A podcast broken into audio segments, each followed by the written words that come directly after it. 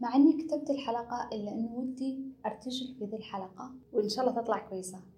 سألت أهلي وصديقاتي وناس كثير ليه الناس تبدأ بالانهيار لما ينتهي شخص من حياتها وهدفها يتدمر؟ أنا عادة ما أحب المقدمات الطويلة معك وجدان محمد في برنامج إيش تنتظر وعنوان حلقتنا للمضي قدما.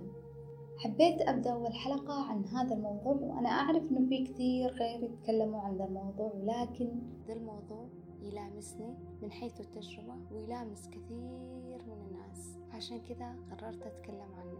فلما سألت أهلي وصديقاتي والناس عن ليه الناس تبدأ بالانهيار لما ينتهي شخص من حياتها ليه الناس تبقى في الماضي ليه الناس آه، ما تقدر تتحرك للأمام اختلفت الأجوبة.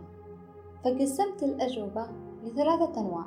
ناس تبقى بالماضي وحياتها كلها تتوقف بسبب هذا الحدث أو بسبب هذا الشخص اللي انتهى من حياتها وناس تتحرك للأمام وتحاول تتناسى الماضي ولكن لما أحد يجيب طاري الماضي الحدث المؤلم أو الشخص اللي انتهى من حياتها حياتها تتوقف بشكل مؤقت. وناس تحركت بالفعل للأمام.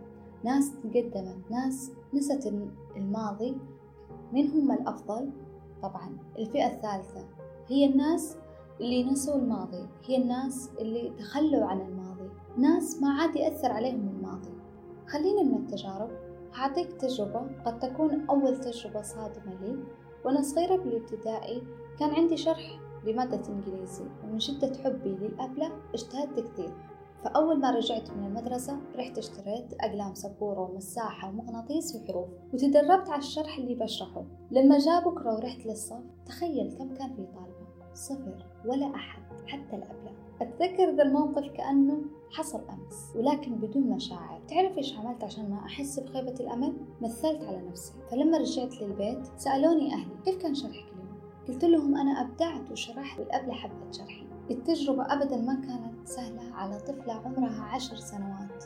فمن واقع التجربة وواقعنا قاعد يقول لك إن كل المراحل العمرية تمر بهذه الحالة. إن كل المراحل العمرية تتلقى صدمات فأنت مو أول واحد يتلقى صدمة ولا أنت آخر واحد يتلقى صدمة. فصرت لما أمر بتجربة قاسية مثلا هدف أفشل فيه شخص ينتهي من حياتي ولسه أنا ما طلعت من الوضع الحزين أبدأ أسأل نفسي ليه أضيع عمر من عمري في حاجة انتهت؟ ليه أتمسك بتجربة قاسية؟ ليه أتعلق في حاجة سلبية؟ ليه أكون أنا ضحية الندم والألم والحزن؟ فصرت ما أتعلق ولا أندم ولا أحزن ولا أتألم على فقدان هدف أو شخص أنا ما أقول لك أعمل مثلي طبعا لا تعمل مثلي ولكن انسى الماضي حاول تنسى الماضي عشان تتحرك ونسيان الماضي لا يعني أن الماضي قد يتغير. الماضي هو الماضي ولا يستطيع أحد أن يغير الحقائق. وما حدث قد حدث وانتهى الأمر. ولو جينا للحق ماضيك ما يهمني سواء كان جيد أو مو جيد سواء كان بلا أخطاء أو بأخطاء. المهم أنت الآن مين؟ أنت إيش تمثل؟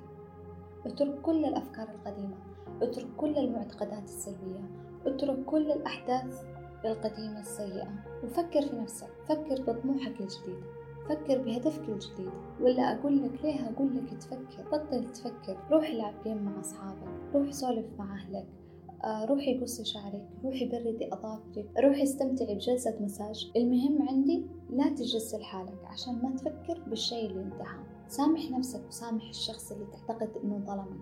ولا تندم ولا تندم ولا تندم لأنه ما في شيء يستحق تندم عليه. الماضي هو الماضي الماضي انتهى الماضي ما راح يرجع وبعد ذا كله حط لك أهداف جديدة ارسم لك طريق جديد. شوف العالم الخيارات مفتوحة. إيش يعني هدف فشلت فيه من وجهة نظري الحياة عبارة عن أهداف. هدف ينجح وهدف يفشل.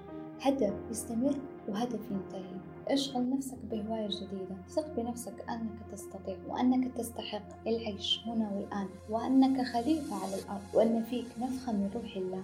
أنا أثق فيك وصدقني حتوصل للي أنت تبيه وحتحقق اللي أنت تبيه بس تحرك وانسى انسى. وصلنا لختام حلقتنا. أتمنى إذا الحلقة أفادتك وأعجبتك وتعرف أحد يعاني من نفس المشكلة ترسل له رابط الحلقة.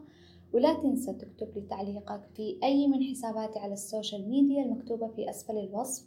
كانت معك وجدان محمد في برنامج إيش تنتظر؟ وأنتظر ردك في حماس.